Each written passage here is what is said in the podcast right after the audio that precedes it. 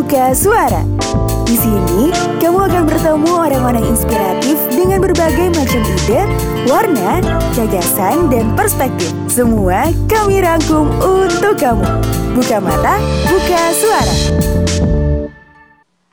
Halo Sobat Suara, ditemenin lagi barengan sama Buka Suara Podcast. Kali ini Rara punya satu speaker yang sangat-sangat-sangat keren. Kita langsung aja panggilkan, ini dia Kenny Hutomo. Hai Kenny. Halo Rara. Hai, wow, apa kabar Kenny? Luar biasa. Luar biasa. Oke, ini jawaban yang sangat luar biasa juga ya. Karena biasanya kalau ditanya apa kabar, baik, apa kabar, alhamdulillah. Ini luar biasa ya. Iya dong, masa jawabannya mainstream sih? Oh, harus baik. berbeda gitu, harus stand out ya. Berarti ini menandakan uh, fisik, apa namanya, mental, semuanya pikiran masih sehat ya? Alhamdulillah ya sehat.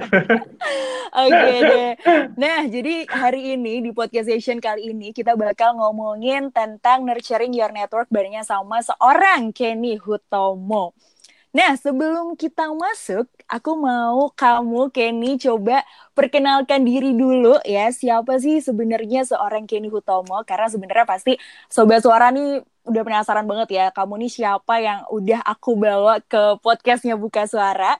Dan kamu juga silahkan banget nih buat ceritain tentang diri kamu dan kenapa kamu tertarik sama bidang ini. Oke, oke. Oke. So, thank you introduction-nya. Mungkin sedikit perkenalan diri ya. Jadi Mhm. nama nama saya Kenny Utomo. Right now uh, saya sebagai New Channel Development Executive di L'Oreal Indonesia. Oke. Sebelum di L'Oreal saya kuliah di Kampu I gitu ya, Universitas Indonesia, Mhm. jurusan ilmu komunikasi dan puji Tuhan ya lulus tiga setengah tahun dengan lulusan terbaik gitu dari Oke. Fakultas Ilmu Sosial Politik. Um, kenapa aku, maksudnya kenapa? Tadi pertanyaannya kenapa? Tertarik sama bidang ini. Kenapa pas untuk tertarik untuk bidang networking maksudnya? Yes, yes, benar. Oke, Em, mungkin karena ini balik lagi ke diri saya gitu ya. Saya orangnya itu suka ngobrol, suka berinteraksi sama orang-orang, dan suka ber- membangun hubungan gitu dengan cara Mhm. networking.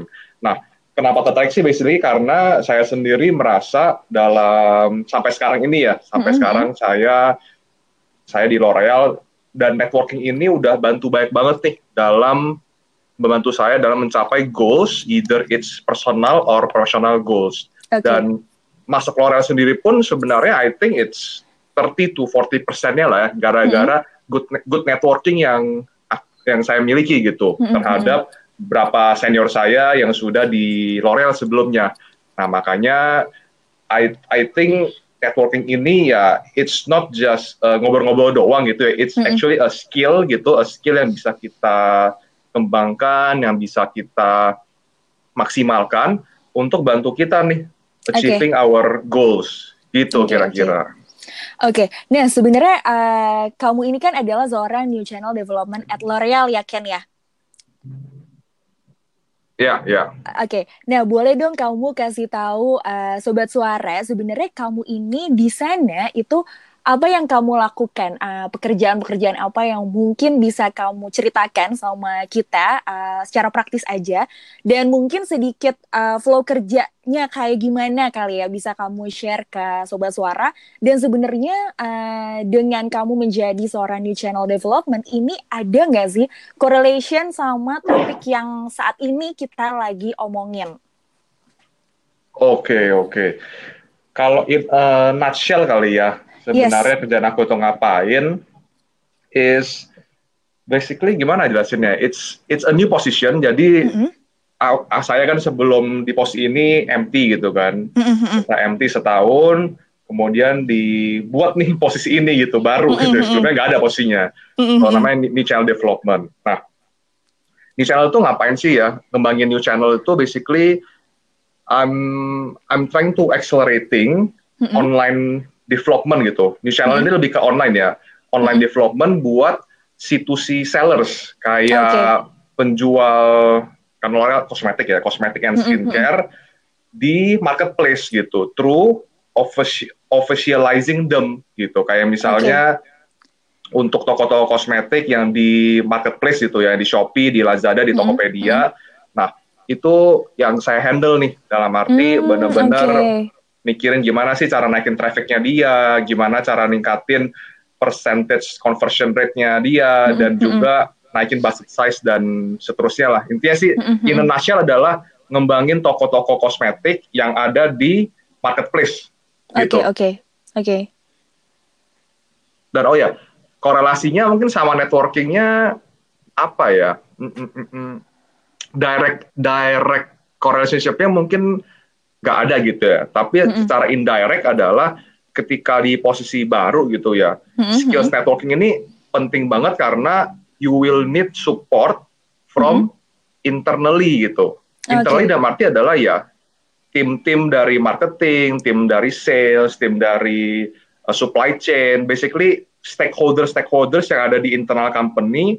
Nah, ini nih yang perlu dibangun hubungannya, perlu di nurture hubungannya supaya ya bisa bantu bantu juga nih buat achieve mm -hmm. the the goal gitu, the KPI that okay. I I'm having. Kira-kira gitu sih. Oke, sebenarnya ini uh, divisi emang baru banget satu tahun ini ya Ken ya? baru banget dibuat dua bulan lalu. Dibuat. Oh baik, baik, baik. Nah sebenarnya uh, ada nggak sih kayak uh, challenge tertentu kali ya? Mungkin ketika kamu masuk ke sini dan langsung masuk ke uh, sebuah divisi baru, ada nggak sih tantangan atau obstacle yang kamu temui gitu? Hmm, tantangan sih definitely very challenging banget lah ya ketika yeah. kita handling new position yang nggak ada apa ya sebelumnya. Gak bisa nge, mm-hmm. iya belum ada orang yang sebelumnya kan meaning you cannot mm-hmm. shadow them gitu kan iya iya benar nah, tantangannya itu mungkin lebih ke structurizing all mm-hmm. the complexity ambiguity gitu. Supaya bisa me, apa ya supaya posisi ini emang jelas nih ke mana arahnya impact yang diberikan ke perusahaan itu seperti apa dalam segi kuantitatif atau kualitatif. Nah itu sih mungkin challenging yang challenge pertamanya gitu ya, karena kan bener-bener kalau kita ibaratnya gampang lagi nih, kalau kita buat sebuah perusahaan baru kan ibaratnya mm -hmm. semua masih cluttered gitu kan berantakan iya, ke mana-mana. Iya, nah, bener. jadi sama juga di posisi baru semua masih nggak jelas KPI-nya pun aku yang buat sendiri, targetnya pun aku yang buat sendiri. So pertama adalah structurizing all the ambiguity and all the complexity. Dan yang kedua okay. adalah trying to sell gitu ya, trying to sell your ideas, trying to sell your vision ke tim gitu, ke tim internally internal. gitu ya, ke tim internal mm -hmm. gitu. Gimana bisa kita ngedapetin support gitu ya dari orang-orang dari divisi lain supaya bisa bantu kita nih untuk achieving our goal. Lebih ke situ okay. sih dua dua hal itu yang I think yang paling paling crucial gitu ya. Oke, okay, oke okay deh. Nah, uh, sebenarnya kamu ini kan tadi adalah uh, seorang yang sangat-sangat suka ngobrol gitu ya. Kamu suka networking. Nah, gimana sih kan caranya supaya kita, aku atau uh, sobat suara ini ngedeketin orang-orang yang berada jauh di luar jangkauan kita gitu. Kalau misalnya kita networking ke uh, temen gitu atau atau ke senior itu kan masih bisa dibilang uh, cukup deket ya. Tapi kalau misalnya networkingnya itu udah yang iya, berada yeah, yeah. di luar jauh uh, dari jangkauan kita itu kan pasti bukan suatu hal yang mudah gitu. Nah, boleh dong kamu hmm, hmm. kasih tips ya atau atau gimana sih cara kamu memanage itu? Gimana cara kamu uh, apa ya namanya kayak mengendalikan control yourself supaya kamu bisa uh, networking dengan baik walaupun dia berada jauh di luar jangkauan kamu. Oke, okay, oke. Okay. Mungkin aku ceritanya gini. Sebelumnya I have a, a good a good relationship gitu ya sama beberapa mm -hmm. my mentor gitu, a good network lah sama beberapa mentor. Mm -hmm. Salah satunya kalau aku boleh beberapa ya kalau aku boleh share dulu sebelum aku masuk ke L'Oreal aku pernah deket sama CEO JP Morgan gitu. So we have okay. dinner together, we sering ngechat bareng gitu kan.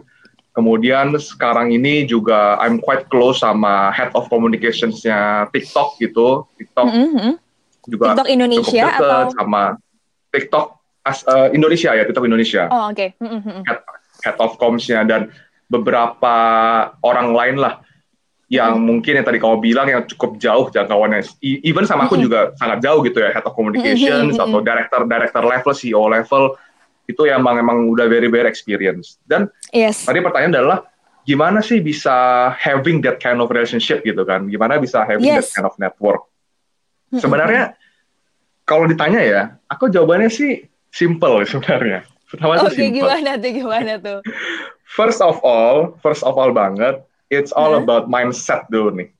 Mindsetnya okay. harus benar. Mindset benar seperti apa sih?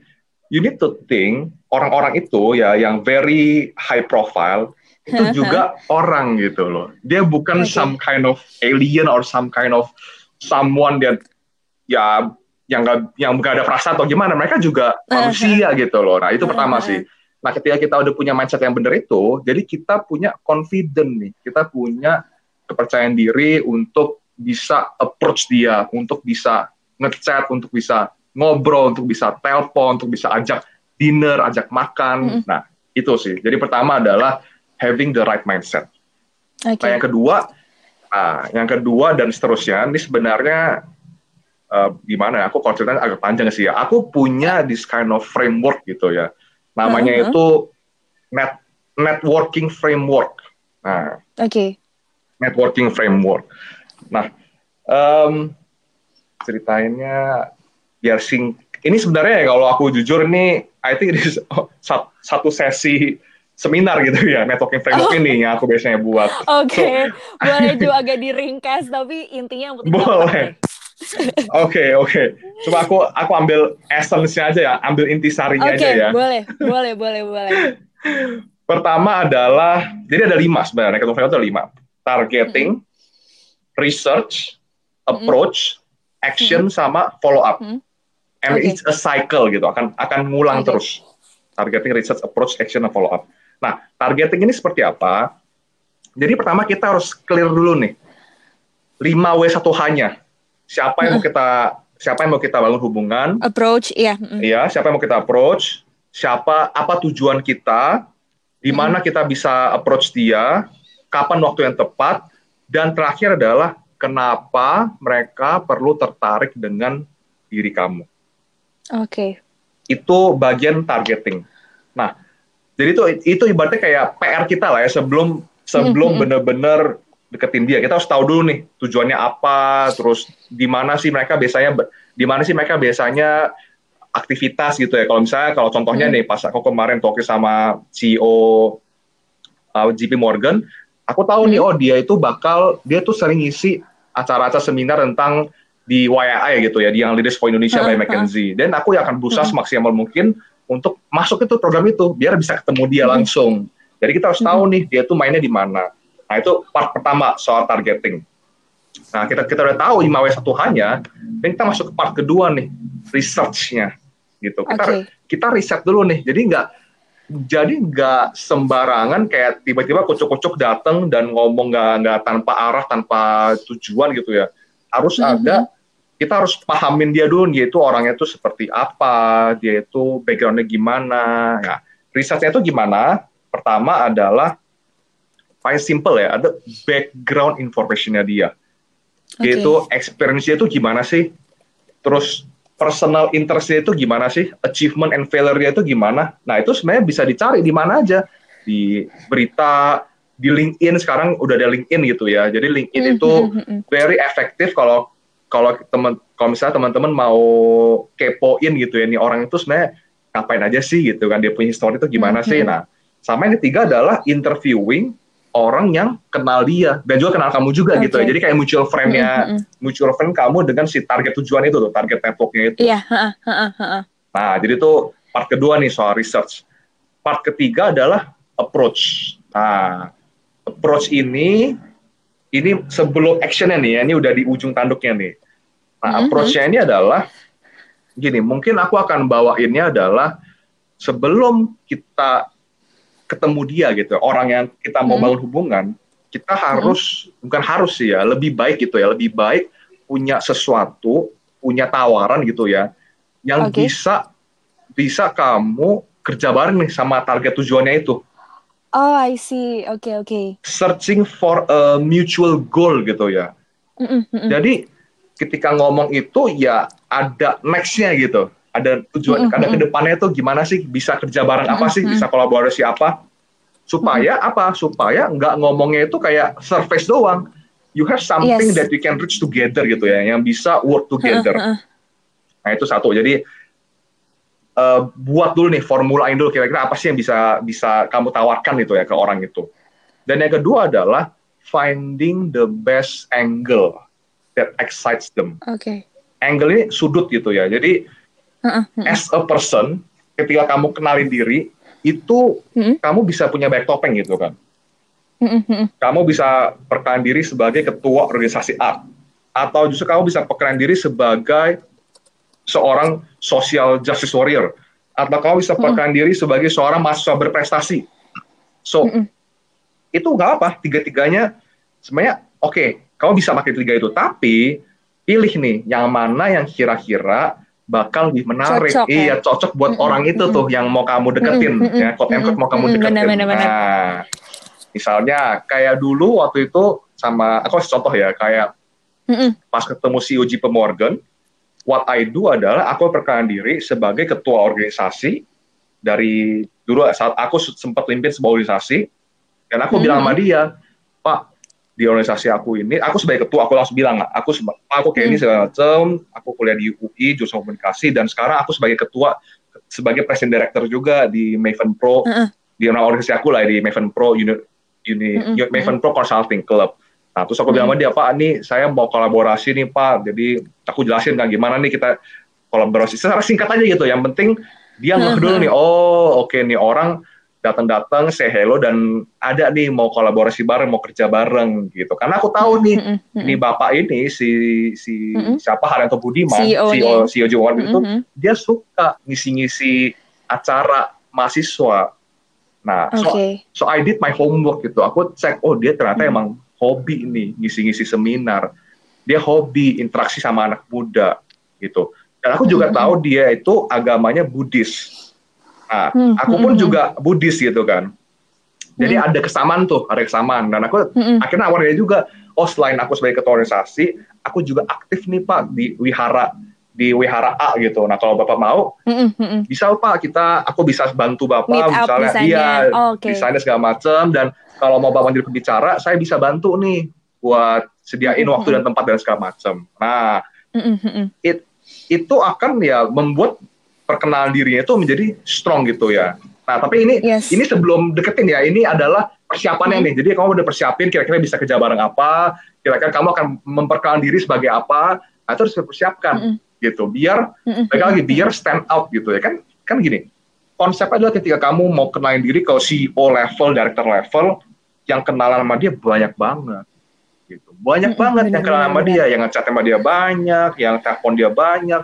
Dan if your introduction is not strong, then you just be just another person aja.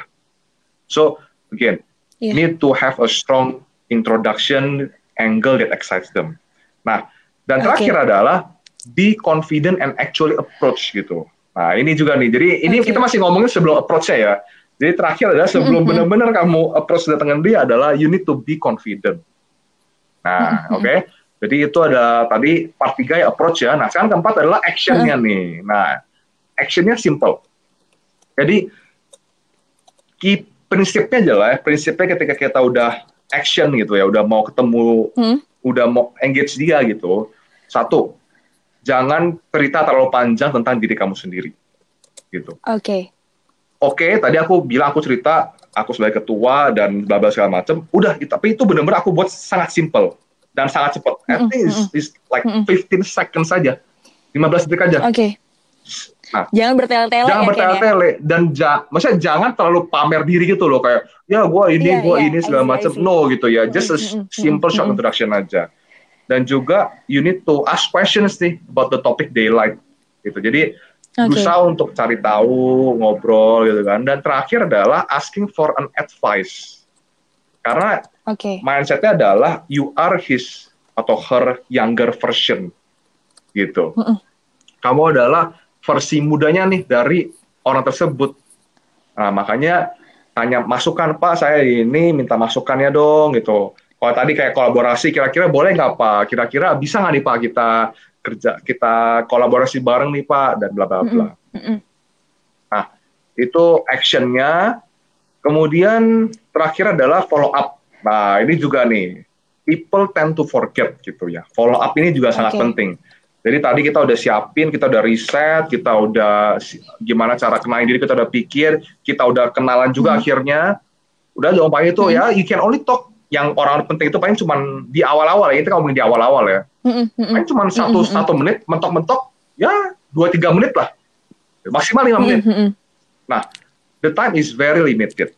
Makanya sebelum you pisah gitu ya, langsung minta kasih kartu nama, tukar kartu nama atau minta nomor HP atau minta okay. email atau apalah anything yang you can further contact lagi nih, reach them. Reach them. Yeah. Dan actually besoknya intinya satu kali 24 jam lah ya. Itu follow up yeah. gitu loh. Jadi itu follow up. Tujuan follow up itu apa sih? Satu, buat dia ingat kamu nih. Gitu kan. Okay. Jangan sampai dia lupa karena baik lagi yang approach dia banyak banget. Satu hari dia bisa yeah. ketemu Dan 20 orang, 30 orang. Iya. Jadi iya dan mereka tuh, manusia ya Ken ya. Ya mereka manusia gitu, bisa lupa gitu. Oh tadi uh, yang uh, uh, tadi gue sama gue gitu ya udahlah bodo amat gue CEO ini kan, gitu kan.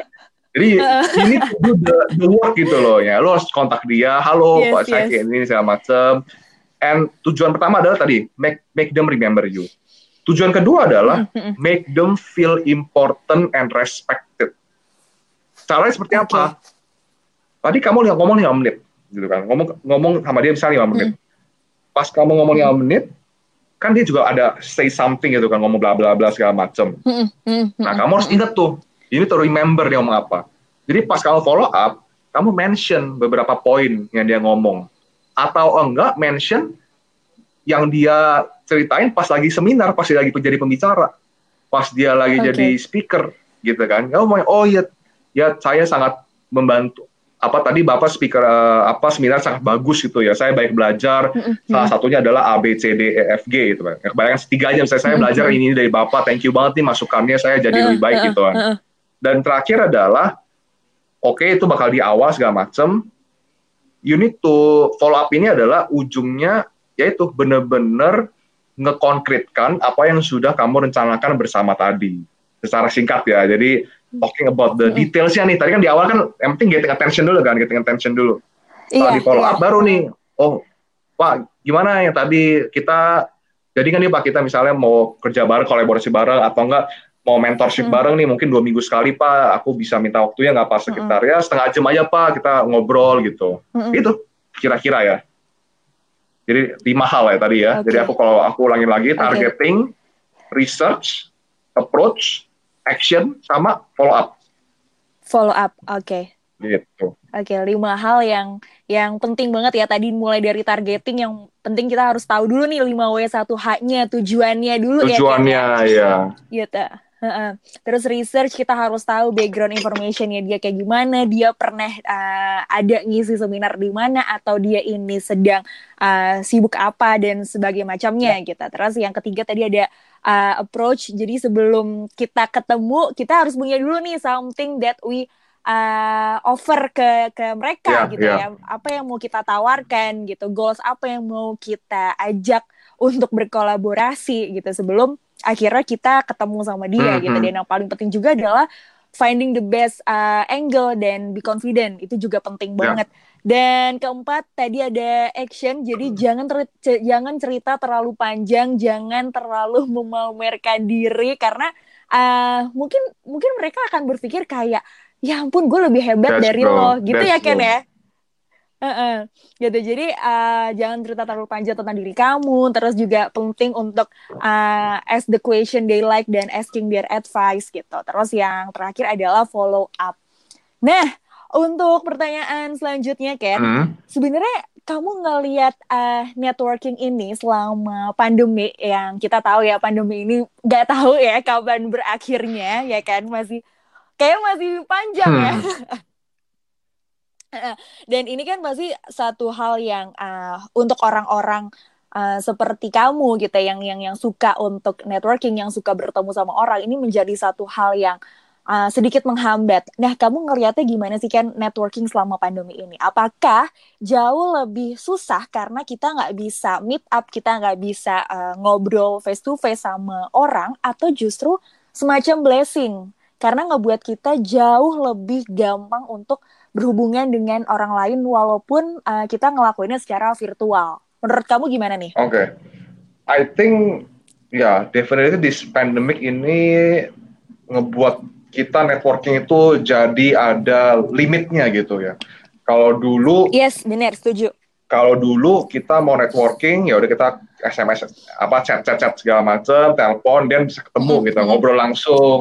Mm-hmm. Mm-hmm. Tapi kalau sekarang ya berarti kita akan networkingnya lebih ke chat chat aja, terus call call call, ya call pun mungkin agak sulit gitu karena semua orang very hectic gitu kan di past few months, jadi lebih ke chat.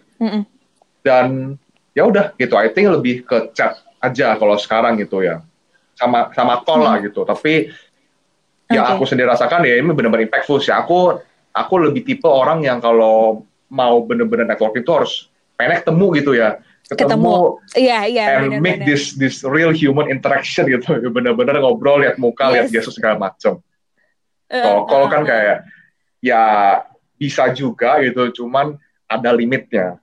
Nah kurang, kurang gitu. ya. nah makanya sih kalau aku lihat ya di di pandemi ini it's kind of hard to make your network stronger mm -hmm. gitu sih.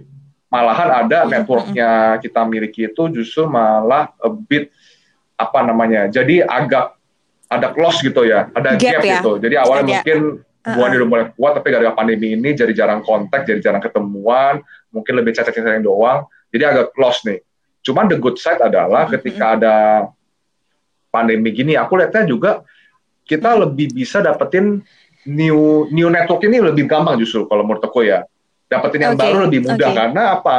Karena mm -mm. semua orang is connected to digital gitu ya. Jadi semuanya pakai LinkedIn lebih banyak, yang pakai Instagram lebih banyak. Terus orang lebih aktif di online.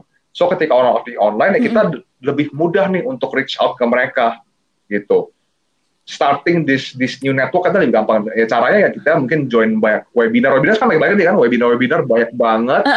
So you can join, you can join setelah join, eh make sure pas join you be active gitu kan.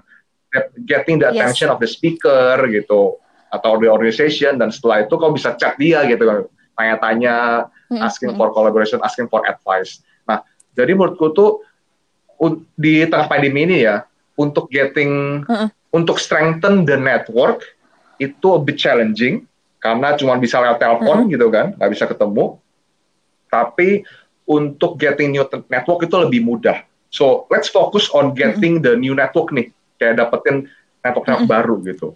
Nah cuman yang pertama tadi sebenarnya yang aku akalin adalah beberapa network yang aku punya, aku aja kolaborasi bareng nih untuk buat webinar gitu. Jadi aku di awal-awal itu ada sekitar empat webinar ya, yang aku sama My Network ini jadi pembicara. So kita kayak kolaborasi gitu lah. Okay. Intinya ada something to do lah intinya gitu. Ada something to do uh, uh, uh, yang dua-duanya tuh investasi waktu, investasi tenaga, investasi pikiran sehingga yes. ya it will grow the network sih. Kira-kira gitu. Uh, uh, uh. Dan pasti uh, akhirnya mendekatkan, tetap yeah, mendekatkan yeah, ya Ken ya, nggak nggak nggak merenggangkan yeah. gitu. Dan pasti juga aku mau note uh, tetap harus aktif ya Ken kuncinya yeah. ya mau networking secara offline ataupun online uh, aktif adalah suatu kunci gitu karena ketika mau offline kita nggak aktif juga kita nggak bisa networking sekarang udah dikasih yang bagian online kalau nggak aktif juga malah makin nggak uh, dapat apa-apa benar gitu. iya iya Oke, okay. Nah, last but not least, Ken, aku mau tanya untuk pertanyaan terakhir. Ini aku mau tanya tentang quotes yang uh, selama ini, selama kamu hidup dan berkembang dan bertumbuh, ya, ini adalah satu quotes yang kamu pegang untuk diri kamu, uh, bisa kamu dapatkan dari mungkin pengalaman kamu, kamu kamu cari sendiri gitu, dan tiba-tiba datang ke pikiran kamu atau mungkin kamu baca buku or uh, nonton mungkin yang akhirnya kamu mendapatkan satu uh, pencerahan kamu tahu quotes ini dan kamu pegang ketika kamu lagi butuh motivasi mungkin atau mungkin ketika kamu down boleh kamu share ke sobat suara uh, apa quotes itu ini harus berkaitan dengan network gak nih Uh, enggak, enggak, enggak, enggak, enggak, enggak. Oke, okay. kalau ngomongin soal quotes sih, definitely I have lots of quotes gitu ya yang yang ngebantu aku gitu dalam okay. Ada yang dalam relationship, ada yang dalam career, ada yang profesional, banyak lah. Cuman karena kita topiknya network, I will share my quote yang berkaitan sama network kali ya. So, ya, ini boleh. quote sebenarnya aku yang buat sendiri gitu. oh, oke, okay, Jadi, okay ini yang salah aku share juga ketika aku ngisi seminar hmm. atau workshop tentang network gitu ya. Dan kira-kira hmm. seperti ini sih. Jadi create opportunities but do not rush in getting results because you never know okay. when you will need the network. Gitu. Okay. Jadi art, art, artinya adalah ya kita kalau ngebuat network ya udah gitu kita emang berusaha untuk membangun hubungannya, kita berusaha untuk ngobrol, membantu kalau bisa bisa give edit value ke kita punya network, mm -hmm. tapi jangan jangan buru-buru mm -hmm. untuk metik hasilnya gitu loh.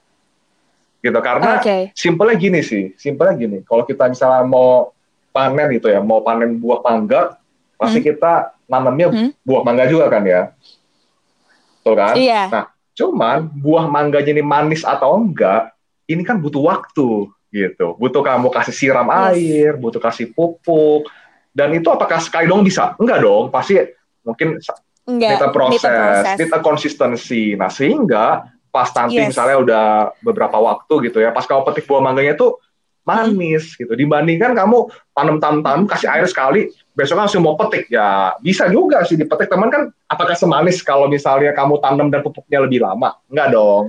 Nah, kira-kira gitu uh, sih. Jadi uh, uh, uh. ya just creating opportunities gitu, but do not trust in getting result gitu. Karena you will you, you never know when you okay. need the network.